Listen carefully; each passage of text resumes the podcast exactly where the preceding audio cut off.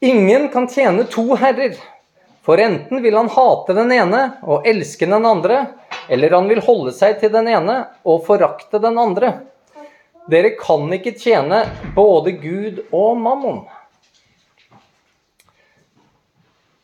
Jødene hadde noen tanker om hvordan forholdet til Gud så ut, hvordan det skulle være. Men Jesus har jo her i bergprekenen pekt på at det de forestilte seg dette til å være, var noe helt annet. Det var ikke sånn som de hadde gjort det til. Gudsforholdet Jesus peker på, det handler jo ikke om jøder i forhold til hedninger, rike i forhold til fattige, kvinner i forhold til menn, ikke lovlærde i forhold til andre. Det er ikke noe mennesker gjør for Gud men om menneskets totale avhengighet av at Gud gjør noe for dem. Gjør noe som skaper helt andre holdninger og handlinger enn det jødenes religiøse utøvelse la opp til. Det er et hjerteforhold som vil skape avstand til veldig mye av det som kan falle mennesker naturlig å gjøre i denne verden. Og Jesus har i bergprekenen egentlig hele tiden skapt avstand han har skapt avstand mellom de som hører Gud til, og de som ikke gjør det. Og det er altså ikke en inkluderende tale, denne kanskje viktigste talen Jesus holdt. Og dette skaper hva skal vi si, en utfordring for oss, hvor vi kan oppleves som intolerante i en tolerant verden. Talen er ikke tolerant fordi den skaper skiller. Salige er de har vi gått gjennom mye. Salig er de, ikke alle, men salig er de, de som er slik og slik. For dere vil være lys og salt. Dere vil være mer rettferdige enn fariseerne. Dere vil leve annerledes mot mennesker når det gjelder harme, bruk av ordene dere velger, i forhold til vold, hor, besvergelser, gjengjeldelse, kjærlighet til andre, ja, selv deres fiender. Så vil man tjene Gud på en annen måte også. Det går ikke bare mot andre mennesker, men mot Gud. Og det går gjennom hvordan man ofrer, hvordan man ber, og hvor man samler seg skatter. Og dette er alle ting vi har sett mye på. Og dette radikale skillet som Jesus har begynt å skissere, det blir nå bare enda mer tydeliggjort utover som vi nærmer oss den siste delen av bergprekenen. Og I dag så er vi da kommet til dette stedet hvor Jesus forklarer hvorfor skillet er så stort. Det handler om hvilke herre et menneske faktisk har. Hva et menneske bekjenner som herre, er viktig. Og enda viktigere blir det jo om den bekjennelsen er ekte, eller om den er falsk. den bekjennelsen. Og Dette blir sentralt for Jesus på slutten av kapittel 7, når han henter fram igjen dette temaet om herredømme, om hvem som er herre, og knytter det opp imot alle de handlingene og de holdningene som han har brukt resten av talen på å snakke om. Og Kristendommen den er radikal fordi den til sjuende og sist stiller mennesker på valg.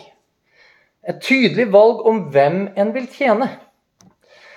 Et valg som er enten-eller som er svart-hvitt. For Jesus sier jo i Lukas 11, 23, 'Den som ikke er med meg, han er imot meg.' 'Og den som ikke samler med meg, han sprer.' Og Bibelen presenterer to forskjellige fedre. Det er Gud Fader, himmelens og jordens skaper, eller løgnens far, djevelen. To forskjellige herrer. Det er Gud eller Mammon. Bibelen vitner om at mennesker har fri vilje innenfor rammene av syndefallet men antyder aldri at et menneske er sin egen herre. Du kan narre deg selv til å tro det, selvfølgelig, at du er herre i ditt eget hus om du vil. Men enten, sier Bibelen, så er du slave av synd, eller så er du slave av Kristus. Og det ordet slave, eller dolos, det blir gjerne oversatt litt mildere i moderne bibler, og så man, oversetter man det gjerne som tjener. Men det er slave ordet betyr. Livet det produserer også to forskjellige resultat. Enten så er det god frukt fra et godt tre, eller så er det dårlig frukt fra et dårlig tre. Det er to forskjellige veier, den brede og den smale, og to forskjellige utganger av livet. Enten evig liv i Gud Faders nærvær, eller evig liv i løgnens fars nærvær. Kristendom gir altså mennesker et kompromissløst valg der det ikke finnes noe både og. Og akkurat det er nettopp en veldig viktig grunn for at det finnes så mye det vi vil kalle vranglære, hvorfor det finnes så mye forvirring og forskjellige sekter og kirkesamfunn i verden.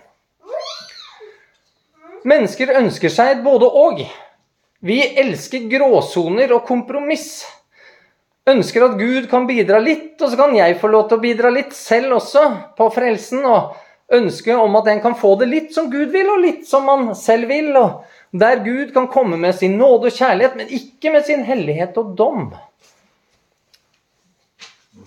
Der en kan få komme med sine ønsker og behov, men ikke tillater at Gud får endre ens ønsker og behov. Og der Guds lover gjerne kan gjelde så lenge det passer de områdene av livet der jeg føler meg sterk, og som jeg fikser, om du vil, som passer til min livsstil og det miljøet jeg er en del av, men som slutter å gjelde den dagen egne forutsetninger forandrer seg, eller miljøet eller samfunnet rundt meg forandrer seg. Og dette ser vi veldig tydelig i dag rundt oss. Og så er dette valget det er ikke avhengig av menneskers evner. Fordi det handler om tro som skaper holdninger. Hva man holder for sannhet, mer enn hvordan man evner å etterleve sannheten. Og slik må det være, venner. Fordi vår evne til etterfølgelse av Guds vilje, den eksisterer ikke naturlig i oss. Den fins ikke. Men evnen avhenger nettopp av hvem som er vår Herre.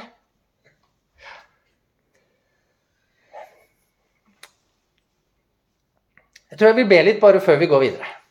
Kjære Herre, jeg vil legge nå dette som skal sies i dine gode, allmektige hender, må du, Far, bli herliggjort ved din sønn Jesus Kristus. Amen.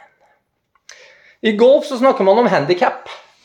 Jeg vet ikke om det er noen her som spiller golf, men handikappet beregnes altså ut fra en spillers evne til å klare de forventninger som banen gir. Og alle som begynner å spille golf, har jo et veldig stort handikap. Et veldig stort handikap, nemlig man kan ikke spille golf. Det er et forholdsvis stort handikap, vil jeg påstå.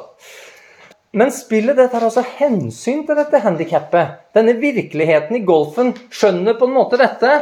Derfor skal det som skjer på denne banen, det skal da ta hensyn til dette. Og så blir altså det som skjer der, rettferdig likevel.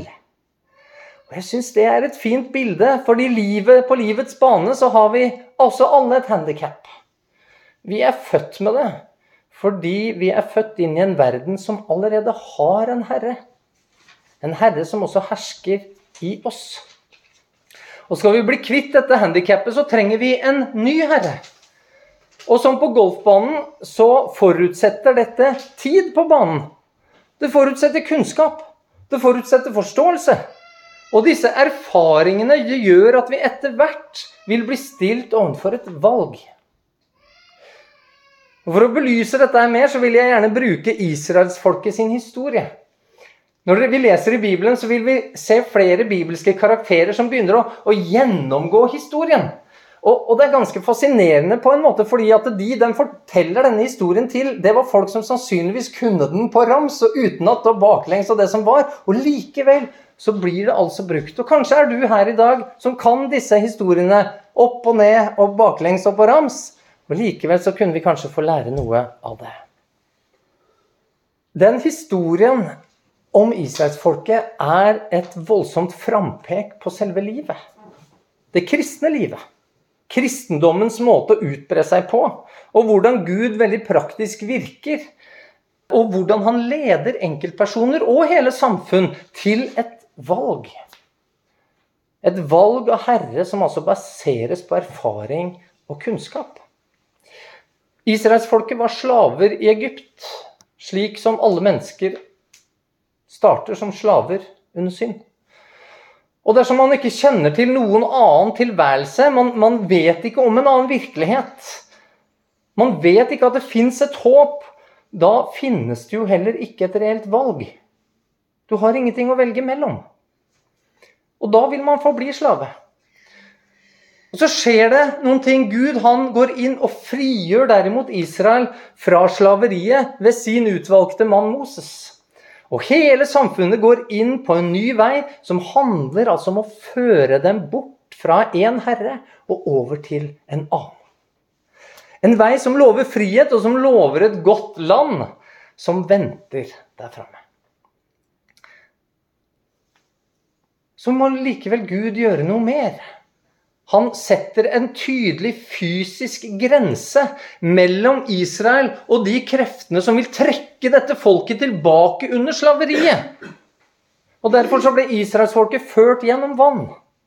Og Dette ble både en fysisk grense, slik vann gjerne er i krigføring. Bare alle som har, eh, kan litt om krigføring, vet at elver og vann og hav og sånn, det er ganske flotte barrierer mot en fiende. Men det er også en åndelig grense. Det er en grense som fienden ikke kan overkomme. Den, den, makten som ønsker å trekke tilbake igjen til slaveri, den dør der. På denne grensen. Det som holdt dette folket fast, det døde der ved vannet, i vannet. Og Jeg vet ikke om du har tenkt på hvilken revolusjon dette egentlig er. Altså, Gud griper inn og skaper faktisk en helt ny virkelighet. Det fantes ingen alternativer tidligere. En helt ny mulighet kommer Gud inn og, og gjør. Gud skaper et alternativ til status quo. Og fram til dette, dette tidspunktet så er det overhodet ingen vits i, det gir ingen mening å sette noe menneske på et valg. For det fins ikke noe valg. Det er ingen realitet der. Det er ingen virkelighet som muliggjør et valg. Fordi den makten som holdt dem fanget, er overveldende. Du er fullstendig underlegen den makten. Så krever det direkte guddommelig inngripen for at folk i det hele tatt skal kunne begynne ferden ut av slaveriet. Og Så krevde det enda en guddommelig inngripen å eliminere den makten som ville sette en stopper mot videre vandring mot frihet. Og Slik er det også med enhver som vil ut av syndens slaveri. Det krever guddommelig inngripen. Gud måtte åpne en vei for å kunne føre mennesker i frihet. Han måtte knuse fiendens makt over mennesker. Og uten at Gud gjorde dette først, så finnes intet reelt valg. Nå vet ikke jeg hvordan israelsfolket egentlig opplevde dette her. Eh, men jeg innbiller meg faktisk at for veldig mange så hadde de ikke lyst til å reise. De ville ikke forlate husa sine. Masse av disse eiendelene, sikkert det meste av det de eide. Og den trygghet som dette tross alt representerte. Fordi at det var det eneste livet de visste om. Det å bevege seg ut i det ukjente Ja, du kan godt være lova gull og grønne skoger, men det er uansett ganske skummelt. Men likevel så blir de altså med. Og det er ikke så rart, kanskje, for alle andre dro jo også.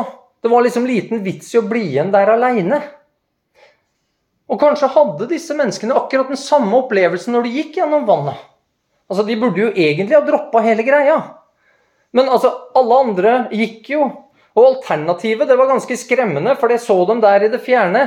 Og kulturen var nå engang slik at man, man gikk jo sammen. og Mennesker er gjerne flokkdyr og sauer. Vi, vi, gjør gjerne det som alle andre gjør, på tross av at det kanskje ikke er så lurt. Vi har lagt bak oss en periode som kanskje vitner noe om det. Når disse ser tilbake igjen på dette her, så, så føles det merkelig. Tross det store underet som de altså har levd igjennom, så, så har ikke det satt noe særlig det, det, har ikke gitt noe særlig inntrykk. Det har ikke skapt noe avtrykk i deres liv på mange måter. Det var jo tross alt noe de bare var nødt til. Det var noe de ble ført igjennom av noen andre. De hadde ikke kunnskap og erfaring som ga dem mulighet til å egentlig mene så veldig mye om det som nettopp hadde skjedd. når man fikk det hele litt på avstand når liksom den umiddelbare faren var over, og når trusselen for det gamle livet ikke syntes så, så farlig lenger, så, så, gikk det ikke så lang tid før veldig mange faktisk begynte å lengte tilbake til det da Bibelen vil si seg kjøttgrytene i Egypt. til dit de kom fra. Til tryggheten. Og Da sier det seg sjøl at disse hadde jo åpenbart ikke forstått hvilken forunderlig og livsforvandlende prosess de hadde gjennomlevd. De har ikke forstått noen ting av det de har vært igjennom. For hadde de forstått det, så ville de skjønt at de har vært igjennom en prosess som ville gi dem en evig grunn til takknemlighet. Jeg kan tenke på alle som har blitt døpt tidlig i sin livsvandring. De ba ikke om det. De som av kulturelle grunner ble dratt med i et under som har gitt dem en fantastisk mulighet til et reelt valg. Og hvor mange er det ikke også av de som, som raskt ønsker seg tilbake igjen til Egypt i overført betydning? Ja, hvor mange er det ikke også av de som døpte seg senere ved egen fri vilje, som også senere velger sin egen medfødte herre? Man skulle tro at når man har vært igjennom dette og er på andre siden av havet, kvitt sin fiende, så ville man begynne å kjenne på fred og frihet og glede. Men for israelsfolket så hadde ørkenvandringen bare så vidt begynt. Og den var ikke i nærheten av det reklameplakaten lovte. Der var det jo melk og honning, og her sitter man med sand og ødemark så langt øyet kan se. Man lengter etter både mat og vann og skygge. Og plutselig så begynner man å oppdage at nei, nå har jeg problemer som jeg aldri tidligere hadde. Jeg opplever problemer, jeg opplever kontraster, jeg opplever dilemmaer i mitt liv som jeg aldri trengte å tenke på før. Altså Ikke det at livet var problemfritt før heller. Men, men de problemene hadde jeg nå tross alt funnet en måte å leve med. Jeg hadde funnet et mønster. Jeg, jeg, jeg, jeg kunne deale med det på min måte. Men disse nye problemene, de synes mye større og de er mer uløselige. Også fordi jeg kjenner på en avhengighet av noen. Men på en ny måte. Og så kan man altså begynne å kjenne på både depresjon og forvirrethet. Fortvilelse. Gradvis så erfarer man omsorg. Man erfarer at det er noen som tar vare på en som leder en på veien. Det er mat å få, det er vann å finne. En skystøtte leder om dagen, en ildstøtte om natten. Men klarer man å se denne omsorgen? Klarer man å bli takknemlig for den? Eller velger man å se bort ifra det? Klarer man ikke å se det pga. at man egentlig har ikke lyst til å være der i ørkenen i det hele tatt? Og så fantaserer man kanskje om hvordan livet kunne, kunne være om jeg fikk lov til å bestemme selv. Være der jeg helst ville være selv. Ikke veldig lenge etter utgangen fra Egypt så mottok israelsfolket loven på Sinai. Folket, det var et slavefolk. Jeg vet ikke om du har tenkt over det, men de oppførte seg altså deretter.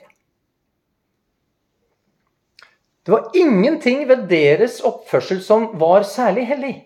Snarere tvert imot, og jeg er ganske sikker på at hadde du møtt det egyptiske samfunnssivilisasjonen og denne gjengen her ute i ørkenen, så ville du foretrekke egypterne.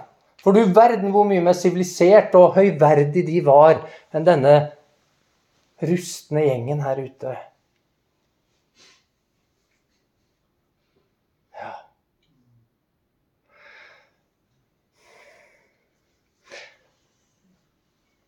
Det er ingenting som tilsier at Gud skulle bry seg om disse.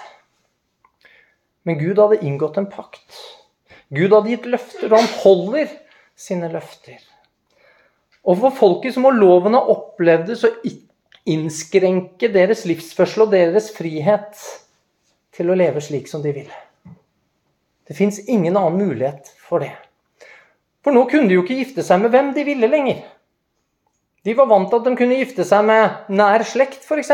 Nei, det fikk de ikke lov til. Gud kunne altså ødelegge for kjærligheten. Ja, De kunne ikke ha sex med hvem de ville heller lenger. Ikke kunne de spise det de ville engang.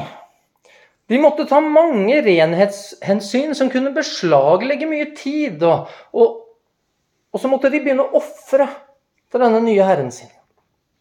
I det hele tatt så måtte de sikkert altså endre livsførsel mye i forhold til slik som de hadde levd tidligere. En som er frigjøpt fra slaveriet, som er døpt og begynt på det kristne livet, vil også veldig raskt erfare at på tross av at vedkommende nå er fri, så har denne nye Herren noen bud. Han har noe som han forventer at livet skal leves etter. Han har bud som vil kreve offer og en endring av livsførsel. Og Ofte så vil altså den første store reaksjonen hos en kristen komme nettopp ved dette punktet når han erfarer ørkenvandringens problemer. Kristen tros økte utfordringer på livet, og at Jesus må være herre og ha bud som må etterfølges. Og den underkastelse under loven, under Moses sitt lederskap og Aron sitt presteskap, det var det veldig mange hos israelsfolket som ikke godtok. De ville ikke ha Moses til leder. De ville ikke høre på Aron. Og de syntes loven var for streng. Og Gud er flere ganger nær ved å utrydde absolutt alle sammen. Men Moses, som altså blir beskrevet som den mest ydmyke mann som, om, hadde, om, om, det var til det punkt, eller om det er i hele menneskets historie, det er vanskelig å si, men i hvert fall en ekstremt ydmyk mann. Han går altså på samme måte som Jesus stadig i forbønn for dette folket. Og så er det bare de som står aller fremst i front for disse opprørene og de familiene som blir en del av disse som straffes, og som faller bort fra menigheten. Men jeg vil dere skal merke dere at folket er ennå ikke satt på valg. Ingen har spurt dem om hva de vil. De har ikke vandra lenge nok. De har ikke erfart nok. De har ikke nok kunnskap. De kan gjøre opprør underveis. De kan skape vanskeligheter. De kan lage masse stridigheter. Men de kan ikke forandre den virkeligheten som er skapt. De tillates ikke å fjerne den friheten og ikke ødelegge mulighetene til å vandre fram mot målet. De kan ikke endre det som Gud har gjort. Og de blir ikke gitt mulighet til å ødelegge for alle mennesker. Men opprørerne og vantroen får store konsekvenser. Og de er ødeleggende for svært mange underveis. De som leder slike opprør, som sår vantro, de dro med seg så mange at ingen av dem som reiste ut fra Egypt som voksne, kommer inn i landet, bortsett fra to menn. Josva og Kaleb. Venner, så sterkt er hedenskapens lenker.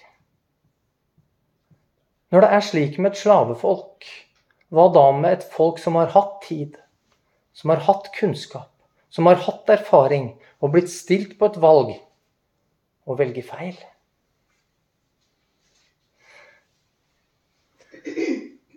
Underveis på reisen så blir livet organisert bedre. Gudstjenestene blir innordna da, og flere forordninger kommer, og man bygger et tabernakel, og israelsfolket vokser. De erfarte mer, og så begynner de å nærme seg landet. Da begynner også den virkelig store motstanden. For da må Israel ut i krig. Nå har de blitt en maktfaktor å regne med. De er organisert. De har fått lovene på plass. De har begynt å få livet sine noenlunde på plass. De har begynt å erfare en ny virkelighet. De utgjør nå en trussel mot de rundt seg. Jesus han satte mennesket fri, han ga sine bud. Og senere flere forordninger gjennom apostlene i bøkene i Det nye testamentet. Og når det kristne budskapet vokste, så ble det organisert bedre. Og man begynte å bygge kirker og satte inn et presteskap. Og så kommer forfølgelsen. Når det kristne livet modnes, så vil man kjenne på økt åndskamp. Man havner i krigen. Ikke fordi man vil, men fordi at virkeligheten er slik, og det er ikke mulig å unngå virkeligheten. Moses han, han ble ikke med folket på hele turen. Når landet virkelig skulle inntas, så var han ikke der lenger. Han døde, men legemet det var ikke å finne. Det er ingen grav å gå til. Og Gud valgte isteden en annen til å lede folket, altså Josva. Og Det var han som leder av folket i krigen og om landet, og det er han som fullførte Moses sitt bud om å lære folket Guds veier og forordninger og bud. Jeg syns dette er veldig fint, hvordan akkurat dette ble gjort. For dette ble gjort gjennom en veldig praktisk og tydelig handling som var slik at alle skulle forstå hvilke konsekvenser dette valget som nå nærmet seg, ville ha. Hvilke konsekvenser hadde det om du valgte Jave som herre, eller ville følge sine egne herrer? Folket blir satt opp i en dal mellom to høye fjell. og Begge disse fjellene er nesten 1000 meter høye, men der slutter også alle likheter. Halvparten av folket sto mot fjellet Garisim. De sto der som et tegn på Guds velsignelse, som ville følge Gud og ha Han som herre. Garisim er et fjell som er kilder med vann. Det er fruktbart der. Den andre halvdelen av folket sto mot fjellet Ebal. Et sted som vitner om forbannelse, og folket sto der som representanter på hva som ville skje med de som valgte sine egne herrer. Ebal har ingen vannkilder. Det er en haug med stein. Masse små, skarpe steiner. Det er ufruktbart, og det er dødt også i dag. Og mens folket sto der, så ble de minnet på historien om frigjøringen. Om undrene de har vært igjennom. Om loven.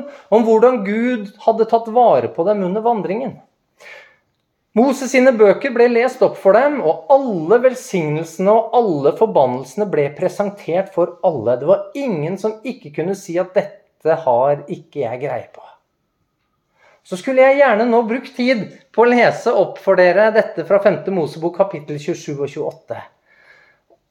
Og lest opp alle disse velsignelsene og alle disse forbannelsene. Men jeg anbefaler at dere leser dette selv senere i dag, hvis dere har tid til det. Men jeg har lyst til å trekke fram den endelige konsekvens av å velge en annen herre enn Gud. For den opplevde jeg talte veldig til meg. Og den finner dere som vil slå opp i 5. Mosebok, da, kapittel 28, vers 68.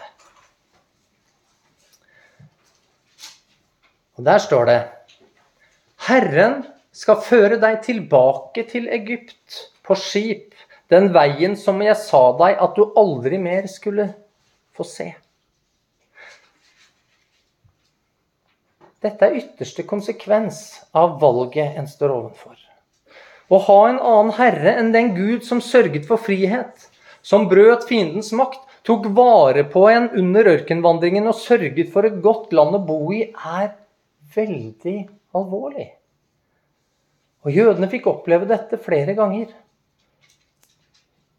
Den tilstanden som Egypt er et bilde på, det opplevde jødene under fangenskapet i Babylon. Men også etter at de korsfesta sin egen Messias, og veldig veldig mange av de døde, man regner opp imot 1,5 million under slaget om Jerusalem, så ble veldig, veldig mange tusen jøder solgt som slaver i Roma. Og dette er jo ille. Men Moses' profeti har altså en mer alvorlig side ved seg.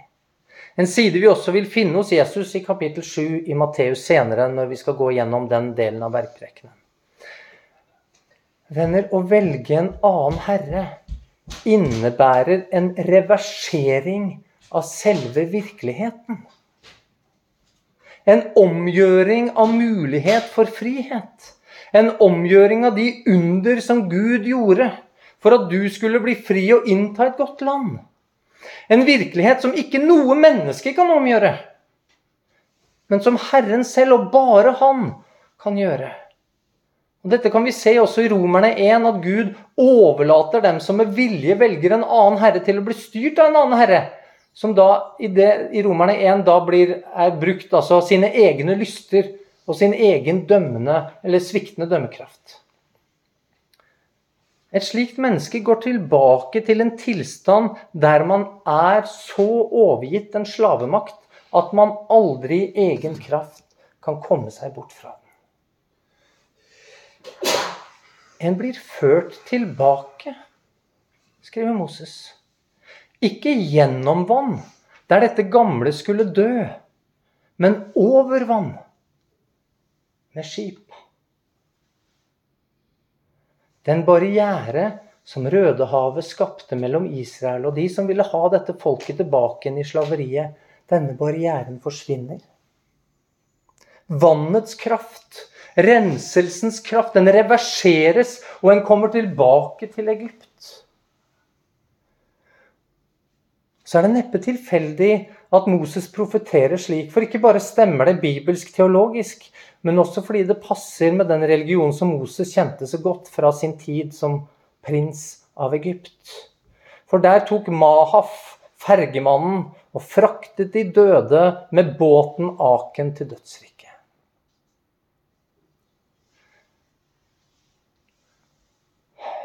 Dette vitner sterkt, venner, om at denne siste slavetilstanden er mye verre enn den første.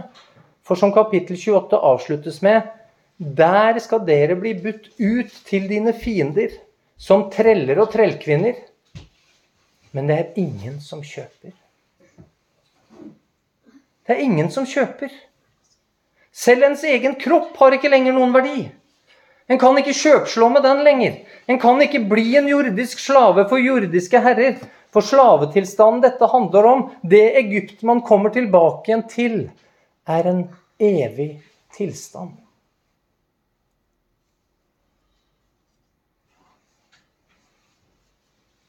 Og så er det akkurat der, på Ebalfjellet, på dette forbannelsens fjell, som i lys av alt dette som Moses profeterer, så er det at Josva reiser opp et alter for Herren. Et alter som vi nå har funnet. Ja.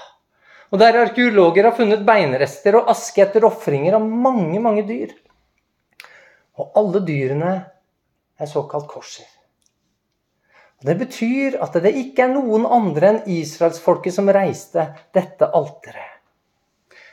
De fant også et lite stykke bly. Det er ikke større enn to ganger to centimeter stort. Og der står det bl.a. skrevet med tidlig hebraiske tegn jødenes navn på Gud. Tetragrammet JHVH. H-en er ikke med der, men JHV er der. Et alter som minner om Guds nåde mot syndere. Et alter som gir håp for dem som faller på veien. Et alter som er frempeket på det rene offer som en gang ble slakta mot Jesus, som ble forbanna for din og min skyld. Og som tok på seg alle de forbannelsene som Moses altså skriver om, og som dette fjellet skulle minne om. Så står altså alteret der. Det kjenner jeg deg godt. Da bygde Josva et alter for Herren, Israels gud på Ebalfjellet, slik som Moses, Herrens tjener, hadde befalt Israels barn.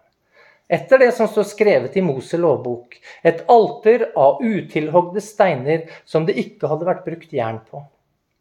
På dette ofret de brennoffer for Herren og ofret fredsoffer, og han skrev der på steinene en avskrift av Moselov, den lov som Moses hadde skrevet for Israels barns åsyn. Så er dette alteret der loven ble oppfylt. Det er derfor det ble skrevet der, denne loven. Det stedet som virkelig skapte en ny virkelighet for alle mennesker, ikke bare for israelsfolket. For der er jo historien bare et frempek på dette sanne alter på Golgata. Et fredsoffer som skapte fred mellom mennesker og Gud. Som åpnet veien ut av slaveriet, og som skapte et skille som ingen fiende kan krysse. Ingen! Som hindrer den gamle Herren å nå deg som vil vandre på den smale vei. Det er, ingen, det er ingenting som kan rive deg ut av Guds hånd. Jesus han skapte en virkelighet som gjaldt bakover i tid og framover i tid, og som ingen andre enn Gud selv kan endre. Han er det som står og underviser der på fjellet. Han sier du kan ikke tjene to herrer. Når Moses og etterpå Josva, som mange måter er jo frempeker på Jesus og Den hellige ånd, hadde fullført sine oppgaver Når folket hadde erfart undrene, de hadde sett at Gud holdt sine løfter, for de var nå i landet. Når de hadde fått lære om loven, lært om etterfølgelse, når de hadde fått erfaring med Gud som Herre, da omsider skjer det. Folket blir satt på valg. For første gang siden utgangen av Egypt så blir spørsmålet stilt. Så frykt nå Herren, og tjen ham i oppriktighet og troskap. Skill dere av med de gudene som deres fedre dyrket på den andre siden av elven og Egypt, og tjen Herren. Men synes dere ikke om å tjene Herren, så velg i dag hvem dere vil tjene. Enten de gudene deres fedre dyrket på den andre siden av elven, eller de gudene amorittene dyrket, som de som hadde det landet dere nå bor i.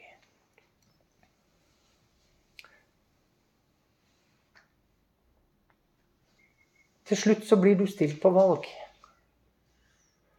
Men Gud han stiller deg ikke på valg før du har noe å velge. Før du har et rasjonale å ta et valg ut ifra. Hvilken herre er det du vil tjene? For Jesu frelse, den gjelder for deg i dag. Den virkelighet som han åpna opp, den gjelder ennå. Velsignelsene og forbannelsene, det gjelder fortsatt. Og så har du kanskje gått gjennom vannet. Ja, Du har kanskje sett hvordan Gud har latt sin sol lyse og sitt regn falle over deg. Du har kanskje fått opplæring av Hans ord og Hans bud, og kanskje så har du opplevd åndelig krigføring. Ja, kanskje har du erfart Hans løfter og hans godhet. Spørsmålet er jo mer har du sett det? Eller velger du å undertrykke alt det i urettferdighet? Det som Gud har åpenbart. Kjenner du på takknemlighet? Eller kjenner du mest lyst til å vandre din egen vei? Om du har opplevd alt dette, erfart og fått kunnskap, så stiller Gud deg på et valg. Og dette er ikke et valg som avgjøres av dine følelser. Det avgjøres ikke av troen på noe uetterrettelig og mystisk. Valget kan tas som et bevisst og rasjonelt valg fordi det er basert på objektive sannheter. Og Det er et uttrykk som vår tid hater som pesten. For vi elsker subjektive sannheter. Men Gud har ikke overlatt oss til noen subjektive sannheter. Ingen sannheter som du sjøl kan finne på. Nei, han har overlatt deg til sannheter som er utenfor deg selv. Som ikke er avhengig av deg på noe som helst vis. Som ikke er avhengig av hva du skulle klare å finne på, eller mener, eller fantaserer deg fram til. Valget altså kan baseres på historiske fakta og dermed rasjonalitet. På et folk som levde et land som eksisterer. Et hav som ble kryssa. På et fjell som du kan besøke. På et alter på ei bal som du kan reise til og se på i dag. Og så er alt det likevel bare et profetisk frampek som bekrefter den historiske personen Jesus Kristus. Som oppfylte alt sammen. Og som døde på et kors, og som, som ble bevitna sto opp av mange hundre mennesker som øyenvitner En som lever i dag. Og det gjør kristen tro til fullkommen visshet. Så sier Jesus at du kan ikke tjene to herrer. Og han spør deg nå hvem vil du tjene?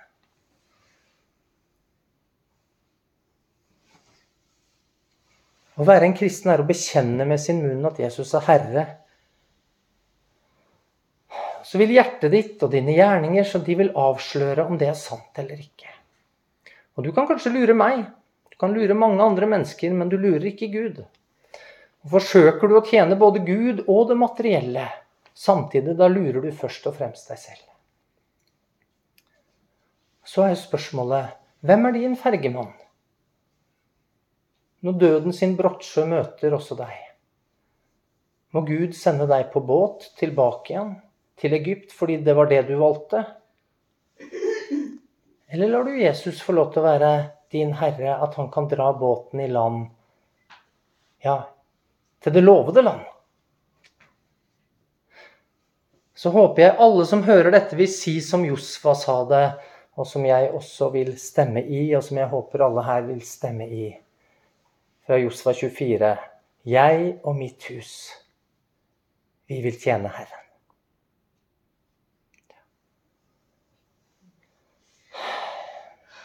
Min Gud, så stort det er å se at alt har du sagt på forhånd.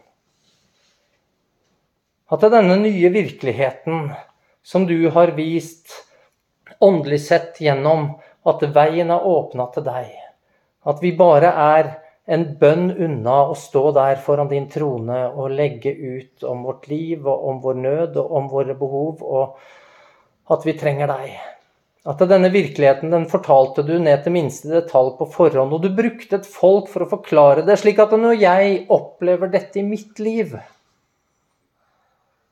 så vet jeg, Herre, at dette visste du om på forhånd. Og far, må det få bli til trøst for oss når vanskelighetene kommer. Når krigen er der, når problemene tårner seg opp at på tross av alt dette så ledet du dette folket til landet. Du ga dem informasjon og kunnskap og erfaring som gjorde at dette folket ble stilt overfor et valg. Og Herre, hva annet skal vi velge? Du har det evige livsens ord. For alle oss som har erfart deg, så er ikke dette noe reelt valg annet enn at vi vil si ja, Herre, vi vil følge deg så ber jeg deg om at vi kunne få leve liv som får være vitner om det på en slik måte at andre kan få se dette lyset. At andre kan få se det samme, og at de også, Herre, kan få bli stilt på dette valget og få lov til å velge deg fordi tro er blitt skapt i deres hjerte ut fra denne virkeligheten som du åpna opp for Jesus. Takk for det du gjorde, og takk for den du er, og takk for det du skal gjøre, og takk for det håpet som du har gitt oss i Jesu navn. Amen.